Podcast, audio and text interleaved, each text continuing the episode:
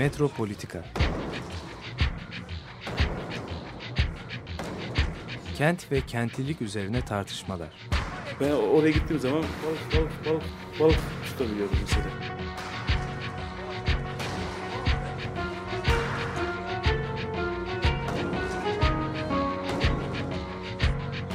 Hazırlayan ve sunanlar Aysim Türkmen ve Korhan Gümüş. Takusuyor ya. Kolay kolay boşaltamadı. Yani elektrikçiler terk etmedi Perşembe Pazarı merkezini.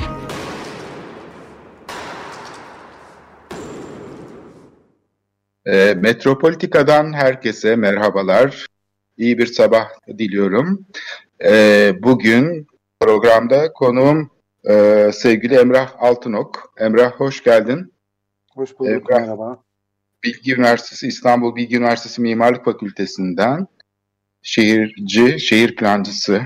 Öyle diyebilir miyim? Doğru olur mu? Tabii, tabii. Şehircilik e, eğitimi aldı ve ondan sonra kent çalışmaları üzerine epey uzun süredir e, uluslararası deneyimlerle de köprü kurarak e, şey yapıyor, eğitim faaliyetlerini sürdürüyor. Bugün biz Emrah Altınok'la katılım konusunu konuşacağız. E, neye katılım peki? Yani planlara, projelere e, katılım meselesini ele alacağız. E, çünkü e, bu konu özellikle son zamanlarda gündeme gelmeye başladı. Bir tanesi Büyükşehir Belediyesi'nin gerçekleştirmiş olduğu yarışmalar, bütün neredeyse kamusal alanlarla ilgili yeniden projeler hazırlanıyor.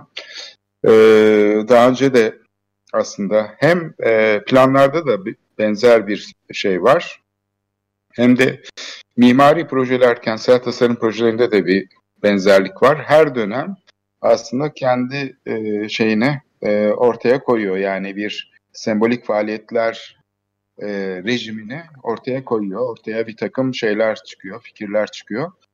E, bunu katılımcılık açısından e, tartışacağız e, bugünkü programda. Ve isterseniz şöyle bir giriş de yapalım.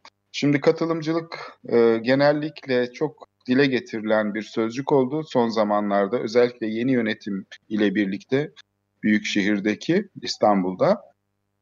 Ancak katılımcılık denince halkın katılımı gibi bir şey anlaşılıyor. Yani kendisini merkeze alan bir aygıt var, bir e, şey var, kurum var ve bu aslında ortaya çıkan ürünleri, ortaya çıkan imajları diyelim, ortaya çıkan sonuçları bir şekilde katılımla oluşturmaya çalışıyor. Yani halkın görüşünü almaya çalışıyor. Fakat bu katılım çerçevesi de çok genişleyemiyor. Yani çok ciddi bir politik şey yaratabilecek, e, tasarım politikalarını yönlendirebilecek bir e, özellik taşıyamıyor. Genellikle dar bir çevrede oluyor bu katılım. İşte yarışma oylamasında da işte günlük ziyaretçi sayısının beşte bir kadar oy verilmiş oldu Taksim'de mesela. Yani daha nasıl genişleyebilir, nasıl katılım tartışılabilir diye düşündüğümüz zaman ister istemez akla şu geliyor. Yani modern e, şehir planlaması aslında bir takım temsiller üzerine kuruluyor. Bu yani tarih boyunca her zaman olduğu e, antik zamanlardan beri bu temsillerle şehirleri düzenlemek, e, projeler yapmak söz konusu oldu. Ancak asıl e, şeyine, hakimiyetini e, şeyden sonra Rönesans'ta ortaya çıkan bir e, yaklaşımla ama daha çok askeri tekniklerden devşirilen bir temsil rejimiyle modernleşmeyle ile birlikte ortaya çıktı. Yani mekanın ölçeklendirilmiş şeylerle, temsil araçlarıyla e, canlandırılması. Bu tabii ki bir nedensel ilişki içeriyor. Yani diğer temsillerdeki gibi değil. Yani resim, heykel, işte diyelim ki başka temsiller, yazı. Bunların her biri nedensel ilişki de taşıyabilir. Yani imgesiyle, temsil ettiği imgeyle nedensellik ilişkisi de kurabilir ya da kurmayabilir. Yani sanat faaliyetleri genellikle böyle bir nedensellik içermiyor. Ama tasarım faaliyetleri, planlama, projelendirme böyle bir nedensellik ilişkisi içeriyor. Hatta çok katmanlı bir nedensellik değil mi? Ortaya koyduğumuz temsiller üzerine bir dolu e, üst diller, bir takım şeyler ortaya çıkıyor. Bilim dediğimiz bilgiler yani fa- farklı şeylere göre, uzmanlık alanlarına göre, disipliner e, şeylere göre, bakışlara göre bu temsillerin üzerine de bilgi inşa ediliyor. Bu modernleşmenin bir şeyi olarak, önemli bir e, yapısı olarak aslında kurumsal aygıtlara da e, yol açtı. Yani böylece şehir planlama kurumu ortaya çıktı. E, mimari proje ve işte şey sistemleri ortaya çıktı. Eğitim konusu ortaya çıktı. Yani bütün bunlar hep e, 19. yüzyılın ortasından sonra iyice e, şey olan, e, kurumsal yapısı gelişmiş olan e, şeyler, disiplinler. Fakat aynı zamanda da burada bir şey ortaya çıktı. E, bu temsiller, o temsil alanında ne ölü ne canlı diyebileceğimiz bir karakterdi. Çünkü hayat başka bir yerde, o sembolik alanın dışında cereyan ediyor genellikle şehirlerde. Ve bu ne, ne ölü ne canlı olan bir şey. Bir taraftan canlı çünkü arkasında bir hayat var. Ama bir taraftan da tam onunla birebir bağlantılı olmadığı için ölü bir karakter kazanıyor. Dolayısıyla bu dünyayı modernleşme pratikleri içinde sorgulayan bir e, şey olarak katılımcılık karşımıza çıkıyor. Yani nasıl oluyor da temsiller mümkün değilse temsil etmek için dünyayı, bizim dışımızdaki var olan bir dünyayı, bunu nasıl içine alabiliriz? Nasıl olur da bu dünyayla temas kurulabilir?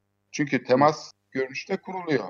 Ancak bunun içine girmeyen, nesneleştirici ve işaretsizleştirici olan e, şeylerle, tekniklerle aslında dışarıda kalıyor. Buna insanları da katabiliriz. Yani kölelik evet. rejimlerinde olduğu gibi insanlar da bu işin dışında kalıyor aslında. Yani emek olarak baktığımız zaman sadece uygulama aşamasında katılabiliyorlar. O da karar verici ya da o sembolik faaliyetin içine katılmadan varlıklarını e, sürdürüyorlar. Dolayısıyla burada katılım meselesinin e, modernleşmenin çok temel bir meselesi olduğunu, dışarıda kalan öznenin nasıl içine dahil edilebileceği, bu yapılmadığı takdirde karşımıza çünkü bu neoliberalizmde işte failler halinde tekrar izlerinin içine dönmesi ve bilginin potansiyelsizleştirilmesi, bilginin önemsenmemesi mesela İstanbul'da çok gördük değil mi? Planların çöpe atılması, sürekli tadilat yapılması planlarda. Yani Hı. o şey iki tane iktidar mekanizmasının çekişmesi haline geliyor bu yapılmadığı takdirde katılım gerçekleşmediği takdirde iki temsil biçimi aslında çatışmaya başlıyor. Yani bir tanesi bilimin temsili, diğeri de iktidar. Farklı paradigma aslında aynı zamanda. Evet, karşı karşıya geliyor bir şey. Evet. Dolayısıyla katılımcılık konusu can alıcı bir konu olarak şeyin Hı-hı. gündemine geliyor. Kent yönetimlerinin ama aslında ülke yönetiminin de. Bu son şeyde Kanal İstanbul konusunda Büyükşehir Belediyesi'nin İmamoğlu'nun göstermiş olduğu muhalefete e, afişler bastırmasına, broşürler çıkarmasına karşı soruşturma açıldı mesela. Burada da merkeziyetçilik, oradaki bütünlük anlayışı aslında tamamen hiyerarşik bir yönetim anlayışını, etkileşimli değil, katılımcı değil, tepeden aşağı inmeci, e, böyle bir ideolojik şeyin e, damgasını vurduğu bir yaklaşım. Dolayısıyla katılımın böyle bir çerçevelendirmesini yaparsak aslında ne kadar ilgili olduğunu, e, demokrasiyle e, nasıl bağlantısı olduğunu düşünürsek bu deneyimin üzerine biraz konuşmak e, istedik. Onun için de Emrah siz e, şeyde sürdürüyorsunuz e, epey bir e, hem eğitim faaliyetleri içinde hem de dışında çalışmalar. Hı hı. Hı hı. Oradan başlayalım isterseniz. Katılımı evet. nasıl tanımlayabiliriz? Neden böyle bir ihtiyaç var? Neler e, gündeme geliyor katılım dediğimiz zaman? Hı hı. Yani e, şimdi kuramla e, ve felsefeyle, politik felsefeyle çok ciddi anlamda e, ilgilenen, e, nasıl diyeyim, e, hayatta en çok keyif aldığım şeyin bu olması e, belki kulağa çok e, tırnak içinde nerd tınlıyor olabilir ama e, bu yüzden de e, konuyu sen çok geniş alınca e, felsefeyle, temsille, modernleşmeyle daha bir sürü e, mevzuyla ilişkilendirince planlamanın e, tarihsel e, olarak ortaya çıkışı e, ve onun koşullarını e, koşullarına gönderme yapan bir yerden alınca ben de şimdi e, yani bir parmak bal çaldım oradan girmek istiyorum. E, katılım meselesine yine konuyu getirerek ama e, yani e, bir modernleşme e, ve modernite projesinin e, ürünü olan bir disiplinden, bir pratikten e, söz ediyoruz aslında kentsel planlama dediğimizde. e, yolculukları e, senkronik ve e, birbirlerini e, yeniden üreten, e, kuran e, şeyler haline geliyorlar. Yani son kertede böyle ama aslında kentsel planlama tabii ki modernite projesinin bir çocuğu. E, şimdi e, mevzu aslında zaman mekana e, denetim kura, kurmanın tarihi e, benim açımdan. E, yani e, şeyde Bilgi Üniversitesi Tarih Teori Eleştiri Yüksek Lisans Programı'nda eleştirel kent kuramı e, dersi veriyorum. E, o onun mesela üçüncü haftasının konusu e, zaman mekan tartışması. Yani şeyle başlıyor. Zaman ve mekanın algılanışı, kavranışı, bunun felsefede ve hatta sanattaki e, boyutları e, ve hatta e, aslında oradaki e, göreli e, pozisyonları e, ve görelilik tartışmasını açabilmek için hatta fizikteki karşılıklarıyla zaman mekan tartışması.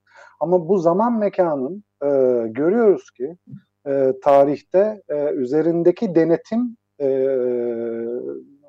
çok can alıcı bir tartışma. Özellikle bizler için, e, şehir plancıları ya da mimarlar için yani mekanın e, organizasyonunu bir disiplin olarak e, merkezine alan herkes için. Ama e, şimdi burada bile e, farkındaysanız disiplini sınırla, sınırlarıyla tanımladım, betimledim. Sanki zaman ve mekanın e, kendisini kuran, yeniden üreten tek kuvvetler bunlarmış gibi. Dolayısıyla iktidarlaştırdım onları, iktidarın içerisinde pozisyon ettim. Halbuki zamanı ve mekanı bizzat şeyler, insanlar, e, canlı ve cansız olan varlıklar e, bir arada hatta bizim şu an ulaşamadığımız, göremediğimiz evrenin derinlikleri hep birlikte kuruyor, yeniden üretiyor. E, dolayısıyla e, yani o iktidar tartışması kaçınılmaz hale geliyor ve burada temsil tartışması gerçekten önemli. Yani planlamanın bir temsil dili kurduğu, bir sembol dili kurduğu mevzusu. E, onun arka planında yine iktidarla ilişkisi bence konuşulması gerekiyor ki ancak o zaman e, o iktidarın evet. kendisini e, eleştiriye tabi tutacağız ve katılım dediğimiz şeyi e, eğrisiyle doğrusuyla pozisyon edebileceğiz. Yani mekan ve zaman üzerindeki hakimiyet aslında e, her e, açıdan kar arayışında hayati bir unsur. Bu, bu kapitalist sistemin kaçınılmazı. E, ve bakıyoruz tarihin hangi sahnesinde e, mekan ve zamanın denetim altına alınması, zaptrapt altına alınması e, doğrudan e, ve derinlikli bir biçimde mümkün olabiliyor. Zamanı ölçebildiğimiz zaman, mekanı ölçebildiğimiz zaman. Yani aslında onu onu bir temsil değerine indirgeyebildiğimiz zaman. Evet. E, zamanın ölçülmesi, saatin devreye girmesi, iş gücünün planlanmasını sağlıyor. Çok uzun mesafeli yolculukları, ticareti, hatta sömürgeleşmede e, bir e, yeri var. Ama bunun saatin ideyası değil, e, saatin dünyayı değiştirebileceği maddi koşulların ortaya çıkması e, mümkün kılıyor. E, ve e, zamanın ölçülmesi onun bilgi e, malzemesi haline gelmesi, servet ve iktidar için kullanılması, hatta bu açıdan katalizör hale gelmesi demek mekanın ölçülmesi de haritalama aslında. Yani baktığınızda plan diyoruz adına farkındaysak iki boyutlu evet. ortogonal çizim demek plan aslında. Ha bir başka anlamı da tabii ki hayatımızı planlamak bağlamında geleceğe yön vermek. Ama e, bunun için özellikle konu mekan olduğunda işte o iki boyutlu temsil e, uzayına ihtiyacımız var. E, dünyayı haritalamak aslında. Dünyayı bir atlas haline getirmek. E, ona e, mülk edinmeye açık bir şey olarak bakmak. Ve gerçekten de haritacılığın e, dünyasıyla sömürgeciliğin, dolayısıyla önce talan etmenin, el koymanın, ondan sonra da özel mülkiyet biçiminde onu parsellemenin tarihi çakışır, üst üste bilinir. Ve bu manidardır e, ve çok da anlaşılırdır. İşte David Harvey şey diyor, para, zaman ve mekan konusundaki maddi pratikler ve bunların biçimlerini anlayabilenler, tanımlayanlar toplumsal e, oyunun, iktidar oyununun yani temel kurallarını da tanımlayanlar olmuştur diyor her zaman. Şimdi bu perspektiften falan bakınca bizim e, aklıma hemen böyle zamanlarda birazcık da tüylerim diken diken olarak tek eli geliyor. Akılcı planlamayı, demokratik demokratikleşme projesi olarak planlamayı öylesine e, e, iktidar karşıtı, toplumdan yana bir biçimde pozisyonlandırıyor ki bu iki e, paradigma ya da bu iki pozisyon alış kafamda son derece çelişik. Şimdi e, bu öğrenci için de çelişik. Dolayısıyla bu o, farkı yaratan şeyi tartışmak gerekiyor. Benim düşüncem o. Ancak o zaman katılım diyeceğimiz şeyi pozisyon edeceğiz. Katılım dolayısıyla şema 1'de yani demin anlattığım mekan ve zaman üzerine denetim kurma yani iktidarın e, kendini örgütleme tarzının bir parçası olarak onun aygıtlarından, aletlerinden, reflekslerinden hatta e, katı e, bir iktidar e, uygulamasının e, iyileştirilmiş bir hali mi? Yoksa şema B'deki gibi e, toplumdan yana olan, e, toplumu öncelik alan, toplumdan yola çıkan aslında ya da onun süreçlerinin, praksisin bir ürünü olan şey midir? E, açıkçası sözcük anlamıyla baktığımda katılmak zaten olan bir şeye katılmak demek. Dolayısıyla birileri onu daha önceden kurmuş olacak. O birileri büyük ihtimalle de onu kurma yetkisine, gücüne, yeteneğine, e, bilgi ve donanımına sahip olan olacak. Ve bu kaçınılmaz olarak yine sözcük anlamından e, düz mantıkla ilerlediğim zaman e, planlama e, bilgisinin, pratiğinin kendisi ve onun yetkileriyle e, kendisini donatmış olan yerel ya da merkezi hükümet. Yani iktidar. Evet. Yani e, Foucault'un e, iktidar tanımına baktığınız zaman bir bilgi iktidarı görürsünüz, bir mülkiyet iktidarı görürsünüz, bir de bürokratik bir iktidar görürsünüz. Kentsel planlama bunların hepsinin bir araya gelmiş halidir. Kentsel evet, Pierre Bourdieu'ya da burada referans Tabii. verebilirsin. Bourdieu de aynı şekilde bilgi iktidarıyla politik e, sermaye diyelim aslında. iktidar ve sermaye. Çünkü bir sermaye olmadan iktidar da olmuyor. Kapitalizm Tabii. dediğimiz şey sadece işte e, parasal sermaye değil. Yani bilgi sermayesi asıl kapitalizmin kurucu şeyi, o, o, eşitsizlik yaratan, asimetri yaratan şeyi, gücünü yaratan Hı-hı. aslında bilgi sermayesi tabii ki. Evet. Hı-hı. Evet. Ee, şimdi planlama aslında bu e, iktidar formlarının e, form, formlarını bünyesinde barındıran e, bir dinamik, bir pratik e, ve bir e, modernleşme e, hikayesi içerisinde en başta sizin de söylediğiniz gibi pozisyon ettiğimizde biz görüyoruz ki planlama aslında e, yine Foucault, Foucault'a demin değdim bari oradan gideyim. Planlama dediğimiz şey aslında mekanın sağlıklaştırılması, kamu sağlığı kavramıyla yeniden organize edilmesi projesinin e, bir sonucu. Enteresan bir biçimde modern e, kurumsal planlamayla modern kurumsal mimarlığın da hikayesi e, benzer. Hatta işte e, modern mimarlığın tarihine bakarken e, Foucault e, işte hastanenin mekansal şemasının egzersizini tartışır mesela. işte bu Bernard Poyen'in e, bu yuvarlak e, formlu e, hastane şemasına bakar. Ortada bir avlusu vardır. Avlunun merkezinde Okullarda de, ve şeylerde, hapishanelerde de var değil mi? Tabii. Diyagram dediğin şey işte Foucault'un. Evet. Yani e, o, o diyagram aslında e, bedenin farklı ölçeklerde zapt rapt altına alınması. Ama bu bedene uyar, uyarlanan biyopolitik e, basıncın kendisi kenti de kuruyor. Yani mimarlığın ölçeğinde kalmıyor ki o. Yani ya da kurumlar bazında işlemiyor ki yalnızca. Kenti de e, denetim altına alıyor ve yeniden kuruyor. Yani Baron Osman'ın Paris'te bulvarlar açması hikayesi aslında e, bir e, silme, e, decode ya da recode etme yani kodlarını çözme ve yeniden kodlama e, hali. E, ve bu yüzden hem e, siyasal bir proje, hem mekansal bir proje, hem iktisadi bir proje.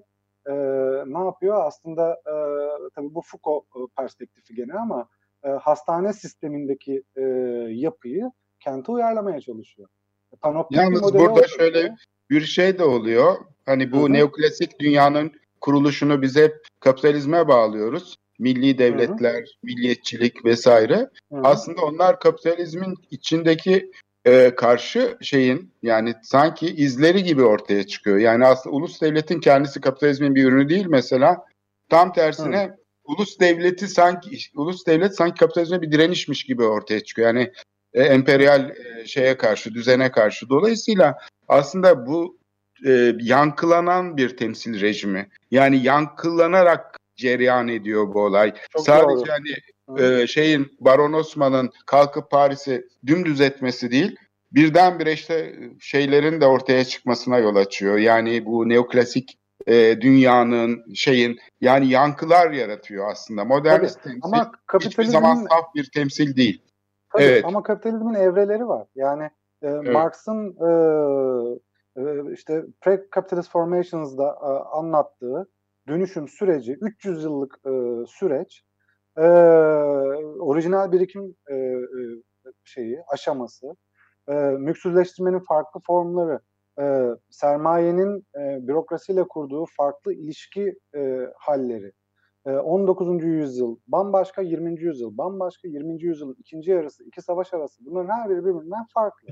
Yani e, spiritüel hale getirmek için değil ama e, kapitalizmin üst yapı e, denklemlerinin değişmesi bağlamında kapitalizmin ruhu da değişiyor. Dolayısıyla emperyalist ol, olduğu evreyle e, ulus devletler modeliyle çalıştığı, refah devletinin e, işlerlik kazandığı, e, devletin daha önce sermayenin alanına e, bıraktığı alanı yeniden sahiplenmesi, sosyal e, reformları e, içeriyor olmaya başlaması bunların hepsi yine kapitalist stratejiler. Ama kapitalizmin farklı evreleri. E, ama e, bunların e, yankılar derken kastınızı ben şey gibi algılıyorum. E, aslında bir, bir tür yeni materyalist okuma gibi. Yani e, hiçbir evre kendisinden öncekini unutarak onun dışında e, kendinden menkul bir biçimde e, var olmuyor, kurulmuyor. Bir öncekini izliyor. Bir öncekinin diyalektik bir sonucu aslında. Onun çelişkilerinden çözülüyor ya da onun eksiklerini tamamlıyor ya da e, onun e, daha önce görmezden geldiği e, bir yapıyı e, işletir hale ge- e, geliyor. Yani belki Ama- şöyle söylesek e, ne dersiniz? E, şeyde mesela bütün bu modernleşme sürecinin aslında tetikleyicisi olan bu temsil rejimi e, şeyi e, ins- e, yani insan emeğini köklü bir şekilde değiştiriyor. Çünkü imgenin e, tekrarı söz konusu. Yani bir şekilde yeniden üretimi. E, temsili olarak e, bir tem- başka yani gözümüzün önünde durduğu halde biz hep içeriği Hı hı. görüyoruz. Gösterileni görüyoruz. Halbuki imgenin Hı hı. kendisi bir marangoz için mesela bir sandalye üreten bir marangoz için hani üretmek fiilinden çok aslında ahşapla ahşabı resmetmek gibi imgenin hiyerarşik olmayan bir düzende tekrarlanması. Yani bugün Hı. hani yemek yapmaya benzetilebilir. Bir zeytinyağlı dolma yapılırken işte tekrarlanarak yani gördüğü şekilde yapar insanlar ya da işte konuşurken kullandığımız sözcükleri biz genellikle kitaplardan öğrenmeyiz ya da resmi bir gramer e, şeyi bize okutulduğu için bilmeyiz o kuralları. Hı hı. Konuşarak öğreniriz.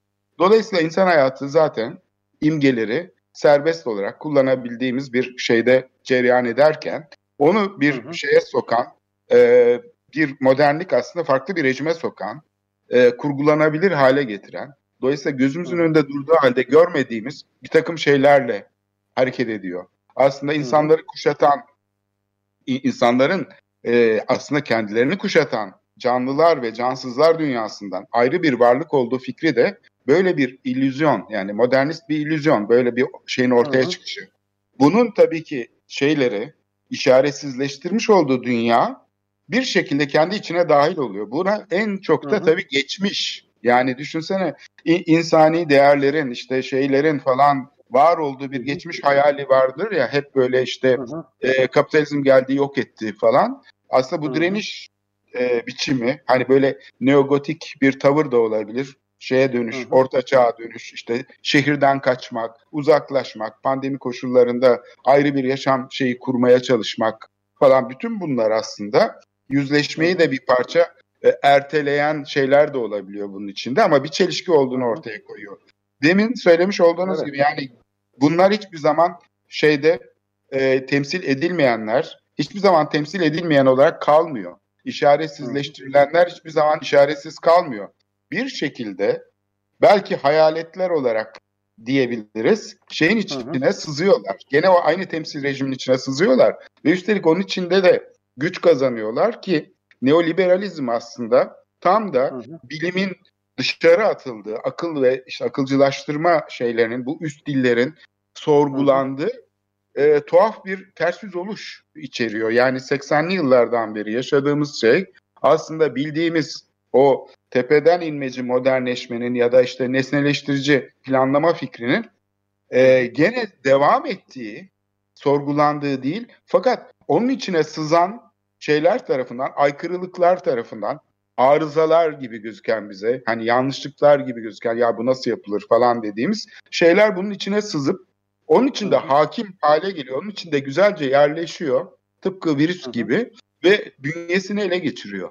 Çok tuhaf bir şey bu. Yani adeta hani silmek istediğini, e, kayıtlarından çıkarmak istediği şeyi büsbütün içine davet eder gibi kamusal alanı boşaltıyor. Mesela kültürel mirasın korunması fikri, doğal mirasın korunması fikri. Bunu nesneleştirici metotlarla yapan bütün rejimlerde bu ters tepti. Koruma kurulları işte yasaklar işte bilmem ne yani şeyle etkileşimli bir çaba içine girmeyen bütün planlama kurumları şu anda Türkiye'de iflas etmiş durumda. İşte şehirlerin haline baktığımızda sadece ne görüyoruz? Bir kaos görüyoruz. Hani plancılar var. Türkiye'de plancı yok değil. Planlama kurumu var. Mimarlar var. Eğitim kurumları yok değil. Üniversiteler var. Fakat şehirlerin haline baktığımız zaman bambaşka bir şey cereyan ediyor. Yani o rejimin içinde artık planlama diskurunun olması ya da işte şeyin olması böyle bir akılcılaştırma şeyinin olması neredeyse sadece onunla bütünleşen bu kaotik sistemle bütünleşen bir ayrı kamu yararı temsili sanki bir grup iktidar içindeki bir şey tabaka toplumsal tabaka kendi çıkarını kendi yararını temsil ediyormuş gibi oluyor ki bu da aslında temsil dışı olması gereken kamusal niteliğin kaybına yol açıyor. Çünkü ancak çoğulcu bir ortamda farklı fikirler ortaya çıkarak e, iktidar aygıtından bağımsızlaşarak bu sembolik üretim gerçekleşebilir değil mi? Sembolik üretimin kendi şeyinin iktidar kullanması, kendisinin bir iktidara dönüşmesi onun aynı zamanda bir sivil toplum şeyine dönüşmesine yol açabilir. Hem kamu hem sivil toplum. Bir dolu böyle şirketler kuruluyor. Hem kamu hem özel. Bunlar böylece e, katı bir şekilde hem taraf oluyorlar yani kamusal niteliklerini kaybediyorlar. Bir tarafın temsilcisi oluyorlar. Hem de bir taraftan da kamusal alanı aslında işgale hazır hale getiriyorlar. Çünkü kamusal nitelik üretmiyorlar. Dolayısıyla bizim hep gördüğümüz kamusal alanların kaybında İstanbul'da değil mi kentsel dönüşüm projelerinde falan böyle bir e, kendi içindeki bir zafiyet. Yani e, bu şeyin e, neoliberalizmin aslında bu ikili işleyişi. Yani bir taraftan kural koyma vasfını kaybeden bir yönetim, öbür tarafta da popülist e, şeylerle e, gelişen, e, kentsel dinamikleri e, temsil ediyormuş gibi gözüken siyasal e, hareketler. Dolayısıyla yani böyle bir şeyin içindeyiz. 80'li yıllardan beri çok belirgin bir şekilde bunu şehirde izlerini görüyoruz. Belki daha öncesine de gidebilir. E, demiş olduğun gibi yani bu şey e, işaretsizleştirilenler, e, dışarı atılanlar aslında e, hiç de dışarı atılmış gibi olmuyor. Pekala şeyin içine girip failleşebiliyor. Buna şeyi de katabiliriz. Yani e, işte felaketleri değil mi? E, şeyler, afetleri yani işte deprem konusunun geri tepmesi gibi yani şeyin geri gelmesi. E, nasıl bunu şey yapabiliriz? Yani kat, katılım aslında Şimdi, tam da burada. Burada e, önem kazanıyor. Aslında yine birkaç başlık ve durak vardı. Ee, şey oluyor böyle e, ya ben sen diyerek daha rahat edeceğim galiba. Siz, tamam, siz dilini bozabiliriz. Ee, ya mesela senin bu son e, söylediklerin içerisinde yine üç durak vardı. iki adım ötede. Ee, evet. Demin kaldığımız yerden devam edersek yani iktidarı kullanma e, biçimine ya da e, kentsel planlamanın ne türden bir iktidar tesis ettiğine ve o temsil dili mevzusuna sonra e, iki adımda gerçekten şeye gelebiliyoruz. Bu katılım mevzusuna gelebiliyoruz. Ee, orada aslında e, iktidarı e, mutlak e, hangi formuyla ya da evresiyle, paradigmasıyla olursa olsun e, modern kapitalizmin e, bir uzantısı olarak e, indirgemek, yani kentsel planlamanın kullandığı türden iktidarı, tabii ki e, planlamanın e, kendisine bir ölçüde de e, haksızlık olur. Çünkü aslında planlamanın e, e, salt bir e, mekan denetimi ve sermayenin kar arayışına indirgenecek e, e, bir yapısı yok. Planlamanın e, özellikle refah devleti e, döneminin e, evet. görece e, ne diyelim toplumsal açıdan e, daha derli toplu hale getirilmiş e, ve ve kamu yararı ilkesi ki oradaki muğlaklıklardan söz ettin zaten hiç girmeyeceğim oraya. Çok şey tutraklı bir alan orası. E, bir perspektifi var. Bu perspektif öncelikle aslında bizim yaşanan mekan e, diye Lefebvre'in e, tabir ettiği yaşanan zaman mekanın ötesine geçme perspektifi. Yani bir gelecek perspektifine sahip olmamız. Geleceğe dönük e, programlama yapmıyor isek toplumsal olarak da siyasal olarak da iktisadi olarak da tökezliyoruz. Bu açık. Yani iktisat dediğimiz şey de e, salt bugüne bakan e, bir şey değil. Zaten geçmişten öğrenmesi gerekiyor ama bir gelecek perspektifi kurması gerekiyor. Planlama bir gelecek perspektifi kurma işi.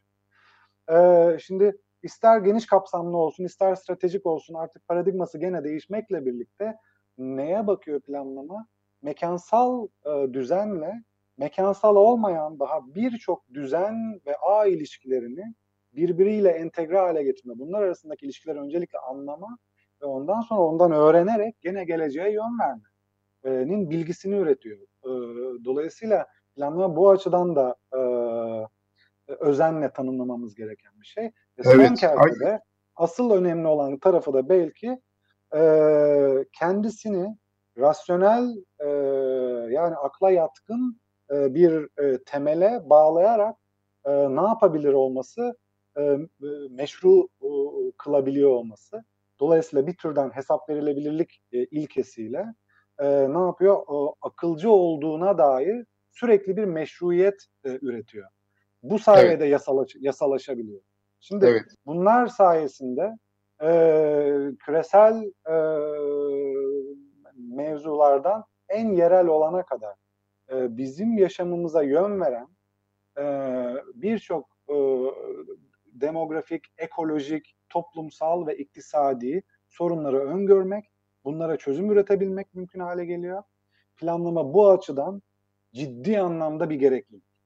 Şimdi Tabii. demin e, tabir ettiğim e, Bunda hiç şüphemiz yok tabii mekani- de. Evet. Evet. iktidar mekanizması Sadece vardı. Hani Ha, çok, yaratıcı bir çok işlem. pardon şuna geri dönmek Evet. istiyorum. Şema A, şema B demiştim ya.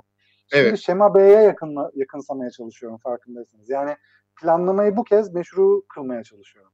Fakat e, bu bir çelişki midir? Yani planlama elinde hala bu iktidar e, aygıtlarını e, bulunduruyor. Sizin söylediğiniz gibi kurduğu sembol diliyle, temsil diliyle bir üst dil yaratıyor. Bu üst, üst dilin bilgi erkini kullanıyor. E, ondan sonra yasaların bir e, parçası, yasa yasamanın bir parçası, onun mekansal bir versiyonu olması itibariyle hukuki ve politik bir iktidar alanı yaratıyor. Bunları hala bünyesinde barındırıyor. Dolayısıyla Evet. şimdi e, ne yapacağız? Yani aslında e, işte e, toplumsal, ekonomik, ekolojik adına her ne diyeceksek krizleri öngörmek ve bunlara dair çözüm üretmek için bu iktidarı kullanmak şart. Ama diğer taraftan bu iktidarı kullandığımız her evre ve dozda iktidarın kendisine e, e, sürekli e, geri dönerek e, e, bir e, ne diyelim kendisine yeniden bakma, kendi kör alanının dışın, dışından kendisine yeniden bakma, kendisini yeniden biçimlendirme ve sorgulama e, işlevine de sahip olması gerekiyor. İktidar aslında mutlak olma, olmayan, Evet. e, çözülebilen, İşte bunun yöntemlerini sorgulayan- e, aslında elde Aynen ediyor öyle. yani. Evet. Yani tasarım ya da planlamanın iktidar aygıtıyla ilişkisi yani bütün mesele burada zaten sekülerleşmiş hı. bir yapıya nasıl kavuşacağı ya da e, çoğulcu bir yapıya. Bunu konuşacağız fakat arada bir nefes alalım. Öneri Evet. var. E, arada bir nefes alıp biraz müzik dinleyelim. Ondan sonra tekrar ikinci bölümde tam da bunun üzerinden yani nasıl bir yöntem uygulanıyor planlamayla ya da işte bu akılcılaştırıcı e, temsil teknikleriyle bunların e, şeyi üzerinden, iktidarla ilişkisi üzerinden bir tekrar e, konuşalım. Şimdi Marilyn Manson'dan dinliyoruz Killing Strangers isimli parçayı. Metropolitika devam ediyor. E, bugün ben Korhan Gümüş, Emrah Altınok'la birlikte programı yapıyoruz. Emrah Altınok, Bilgi Üniversitesi Mimarlık Fakültesi'nde e, ders veriyor. E, bugün konuştuğumuz konu katılımcılık. Yani katılımcılık konusunu tartışıyoruz. Ve e, bir de örneklerle tabii ilişkilendireceğiz. E, bu ikinci bölümde bazı örnekler üzerinden de gideceğiz. E, demin geldiğimiz konu şu tabii planlama ve şeyden yani bu akılcılaştırma fırsatlarından yararlanmaması söz konusu olamaz. Yani kamusal niteliği üreten çok önemli şeylerden biri bu imkan kurgulanırken şey fakat bunun e, dar bir grubun e, imtiyaz alanına girip yani genellikle bu katılım alanına giren aktörler arkalarında birçok imtiyaz e, ilişkisini de iktidarla imtiyaz ilişkisini koruyarak giriyorlar. O yüzden de katılım alanı aslında çok da eşitlikçi olmuyor. Hatta eşitsizliği yeniden üretmeye imkan tanıyan bir katılım modeline oluyor, dönüşüyor. Burada Tom Mitchell'ın Resimler Ne İster diye böyle ufuk açıcı bir makalesi var. Ee, bu makalesinde hani o resimler ne ister diye soruyor. İçeriğini görmemizi isterler. Yani imajlar bizim dikkatlerini kendi, kendi üzerlerine çekerken arka planda ne iş yaparlar diyor. Ben de bunu tasarım için, o da bir temsil olduğuna göre e, bu zihin açıcı makaledeki sorusunu tekrarlamaktan yanayım. Tasarımlar ne ister? Yani imajlar bizim hep içeriklerini konuşmamızı istiyorlar. İşte doğru olmuş, yanlış olmuş. Ay bu da yapılır mı oraya? İşte burayı da mahvettiniz falan. Yani biz hep bu şeyler üzerinden bizim duygularımızı, arzularımızı etkiliyorlar imajlarla. Fakat o imajların arkasındaki güç ilişkilerini e, mer- onları merak edemiyoruz. Onları genellikle böyle bir eleştirel faaliyet yok. Yani biz de eleştiri deyince e, gösterilen şeyler üzerinden yapıyoruz, imajlar üzerinden. Halbuki eleştiri faaliyeti gösterenle gösterilen arasındaki ilişki üzerinde kurgulanabilir ki yaratıcı olabilsin. O şekilde besler. Yani bu tasarım faaliyetinin, planlama faaliyetinin eleştiri boyutu çok önemlidir kamusal nitelik kazanmasında. Oysa ki gösterilenler gösterenleri gölgeliyor. Dolayısıyla Tabii. asıl bizim konuşmamız gereken şey İkisinin arasına Ee, bakmadan da iktidarı çözümleyemiyoruz bu arada. tabii O E, aradaki dolayısıyla- ilişkiye bakmamız gerekiyor. Yani sadece gösteren bize iktidarı anlatmıyor. Evet. Yani ikisi arasındaki ilişkiyi yani çünkü ikisi arasında bir ilişki var. İşte bunun için aslında bu şeyin planlama ve tasarım aygıtının e, çoklu yapıya kavuşması, imtiyaz alanlarından kurtarılması ya da kapalı uçlu söylemlerle şiddet içermesini engelleyecek şey bu imtiyazla, iktidarla kurduğu ilişki. Şimdi uygulanan yöntemlerden biri çerçevelendirme aşamasında katılımı açmak. Yani çerçevelendirme dediğim şey imajların ortaya çıkmadan önce mesela yarışma düzenlenmeden önce programın tartışmaya açılması. Yani o imajlar ortaya çıktıktan sonra tartışmaya açılması değil, imajlar da ortaya çıkar çıkmadan amaçların, stratejinin, bunun içinde yer alacak olan şeylerin, önceliklerin değil mi?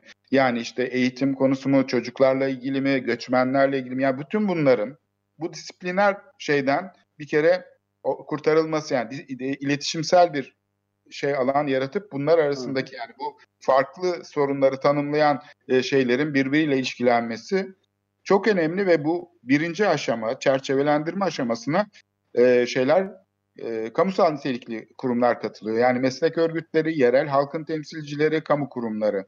İçeriklendirme ise yaratıcı bir süreç. Buraya kamu aktörleri, imtiyazlı aktörler katılamıyor.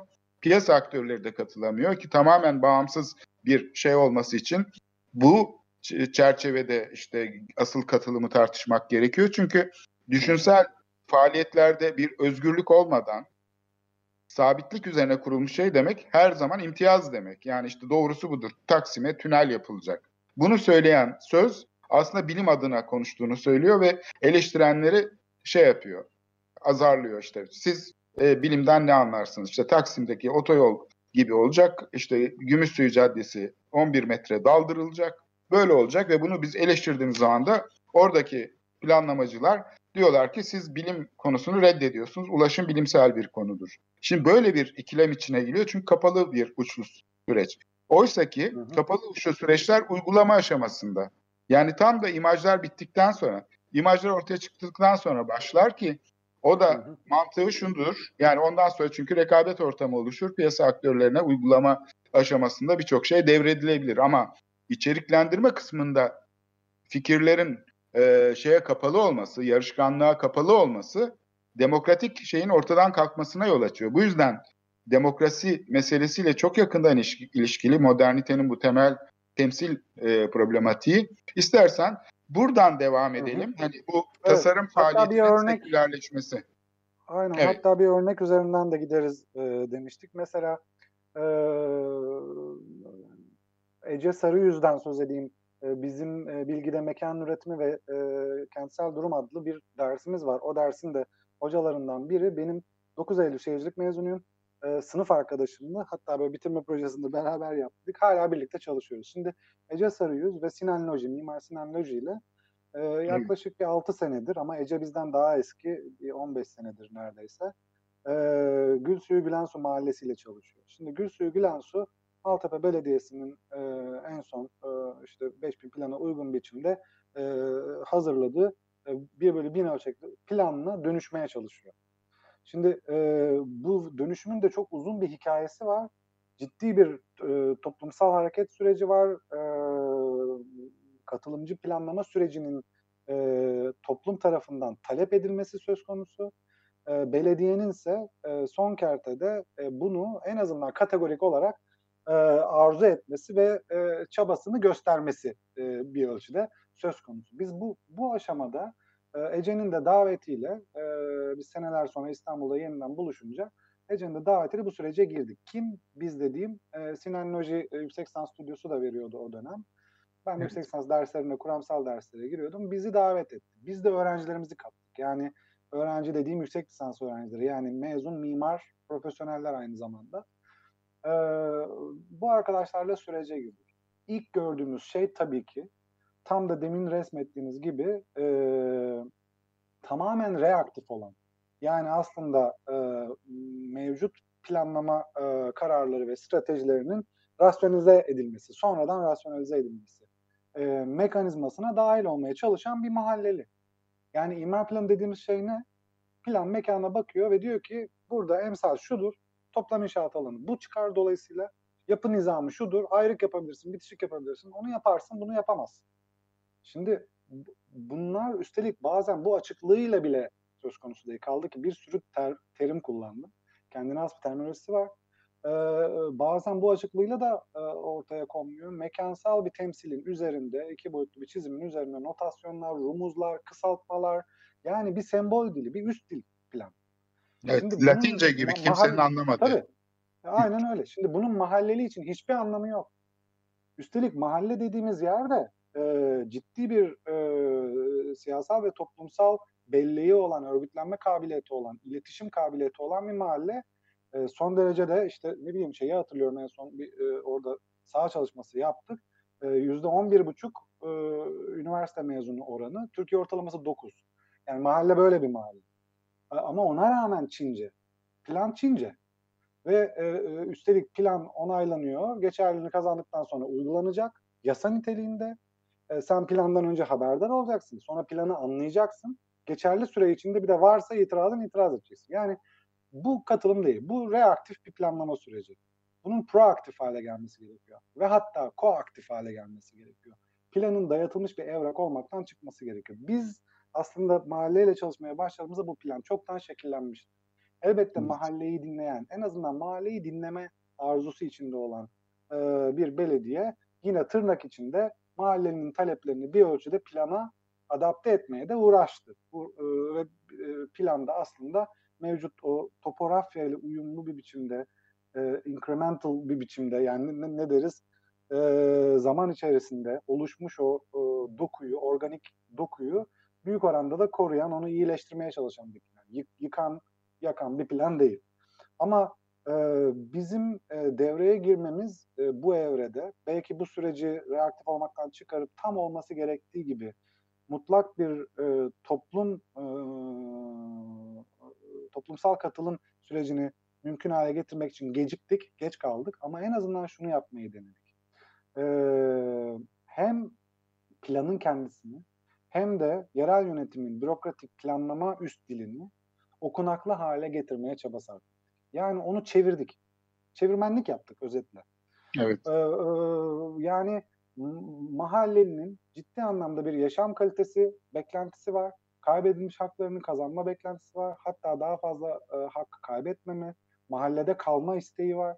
Mahalleyi terk etmek istemediğini söyleyen mahallenin oranı çok yüksek pekala e, mülkünü satıp gitmeye e, gönüllü olanlar da var. Ama on, onlar onların sayıca çok az olduğu bir mahalleden söz ediyorum. Ama burada iki temel sorun var. Hızlıca konuyu kapatıp bu e, katılımın e, pozisyonlandırmasına dair birkaç şey söyleyeceğim. Mahalleden idareye bir de idareden mahalleye yönelimi olan süreçlerde tıkanıklık var aslında.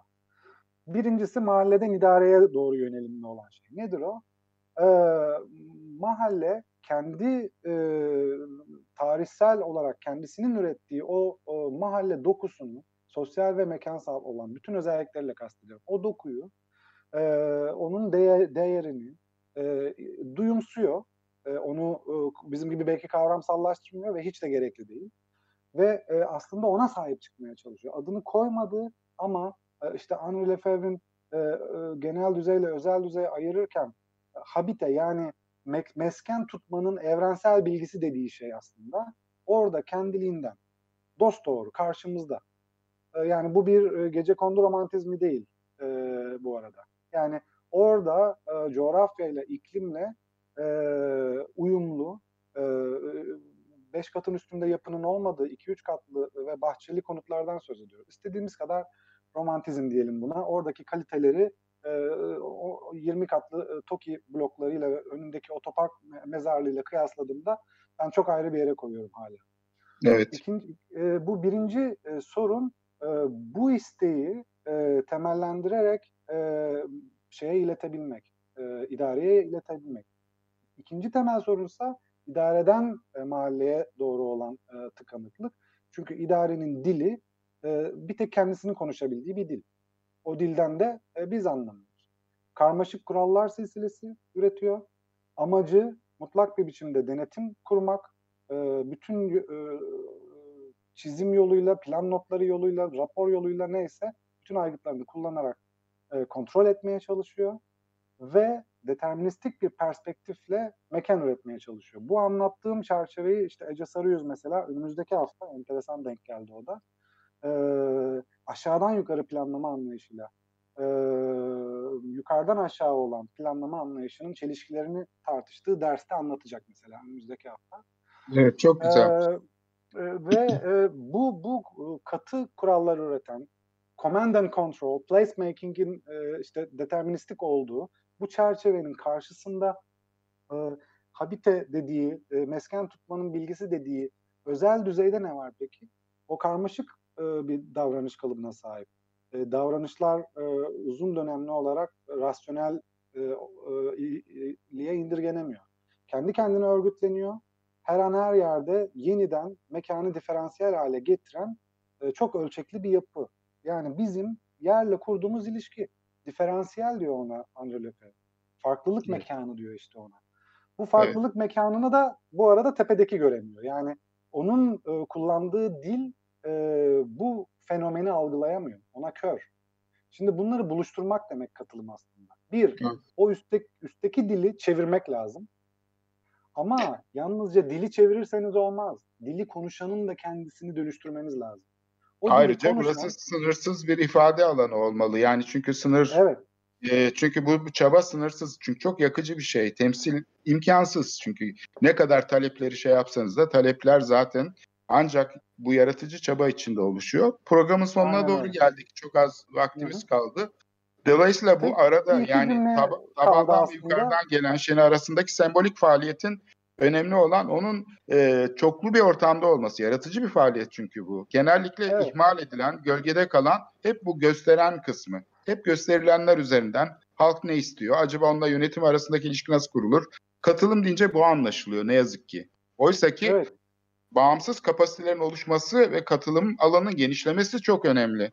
Bu Sulu Kule'de de böyle oldu. Yani o kadar çok uluslararası ekipler, şeyler geldi harika çalışmalar ortaya koydular. İçinde antropologlar da vardı, şeyler de var. Bunların hepsi silindi. Görmezden gelin. Çünkü onları göstermeyen o milli bir imtiyaz alanı içinde TOKİ'ye proje yapan ekipler var. Şeylere proje yapan ekipler var. Onlar hemen öne çıkıyor. Ve bunlar genellikle de kamuya ait bilgiyi kamuya tekrar pazarlıyorlar. Yani kariyer fırsatları yaratan işte o üniversitelerdeki hocalar, bilmem neler böyle bir imtiyaz alanından hareket ederek hemen onları saf dışı ediyorlar alternatif e, fikirleri. Kendileri şey yapıyor. Böyle olunca tabii çok cılız bir katılım oluyor. Kolayca kamu onları manipüle edebiliyor. Dolayısıyla burada iktidar alanının e, bu şekilde kapatılmış olması e, çok önemli bir sorun. E, Evet, iktidarın kendini dönüştürmesi gerekiyor. Aslında söyleyeceğim Yani bunu talep edilmemesi, Aha. yani buradaki profesyonellik aslında tam da eleştirel düşünceyle bu gösteren ve gösterilen arasındaki ilişkiyi kurmak demekken tabii bunu iktidardan bekliyoruz. Yani iktidar sanki bunu tek başına yapabilirmiş gibi. Aslında buradaki dönüşümü yaratacak olan bu dönemeci temsil rejimindeki dönemeci yaratacak olan şey tam da bu entelektüel işlev. Yani kurumların bu işlevi yapan, üreten, bilgi üreten kurumların burada sekülerleşmesi, iktidar aygıtından ayrışması çok çok önemli. Ee, bu neoklasik rejimlerde bu ayrışma olmadığı için sistem tıkanıyor. Demin işaret etmiş olduğum gibi. Evet bu Gül Suyu Gülen Su iyi bir örnek. Ben de 30 senedir izliyorum yaklaşık. Ee, Birçok örnek var bunun gibi. Ee, bir başka programda istersen tekrar devam edelim. Çünkü örnekler üzerinden de çok şey var anlatacak. Ee, bu kentsel dönüşüm projelerinde. Hatta belki Ece ve Sinan da katılır. Ee, bizim orası için hazırlamaya çalıştığımız bir rehber var. Ee, o Evet. çalışmayı aslında e, iki e, etaplı. Biri tamamlandı. İkincisi e, daha yarım kaldı diyelim. E, onlar Evet. üzerinden konuşabiliriz. Bir saha çalışması yaptık e, yakın Evet. zamanda. Onun sonuçları üzerinden konuşabiliriz. Çok iyi olur. E, hatta Gül Suyu'ndan da e, birileri bir, bir ölçüde sonra katılabilir. Yani e, Bir örnek e, çalışma olarak bunu irdeleyelim. Çünkü katılım açısından e, e, gelişmekte olan bir şeydi. Yani bitmeyen bir çaba bu. Ben hatırlıyorum yani bu kadar uzun zamandır sürdüğüne göre e, Evet. bu şey çekilecek bir şey değil. Fikirlerin sürekli tazelenmesi de iyi oluyor. Yani yeniden yeniden tartışılması. Bugünkü programımızın sonuna geldik. E, sevgili Emrah Altınok'a çok teşekkür ediyoruz. Katkıları ederim nedeniyle. davetiniz için. Program destekçimiz Cem Baysal'a da ayrıca teşekkürlerimizi iletiyoruz. Herkese sağlıklı, e, mutlu bir hafta diliyorum. E, hoşça kalın. Görüşmek üzere. Görüşmek üzere.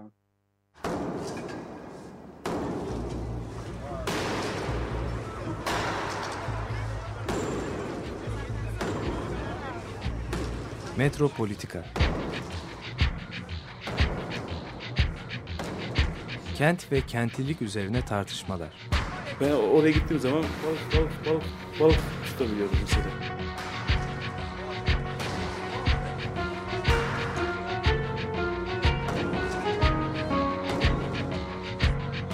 Hazırlayan ve sunanlar Aysim Türkmen ve Korhan Gümüş. Takusuyor yani. Kolay kolay boşaltamadı. Yani elektrikçiler terk etmedi Perşembe Pazarı merkezini.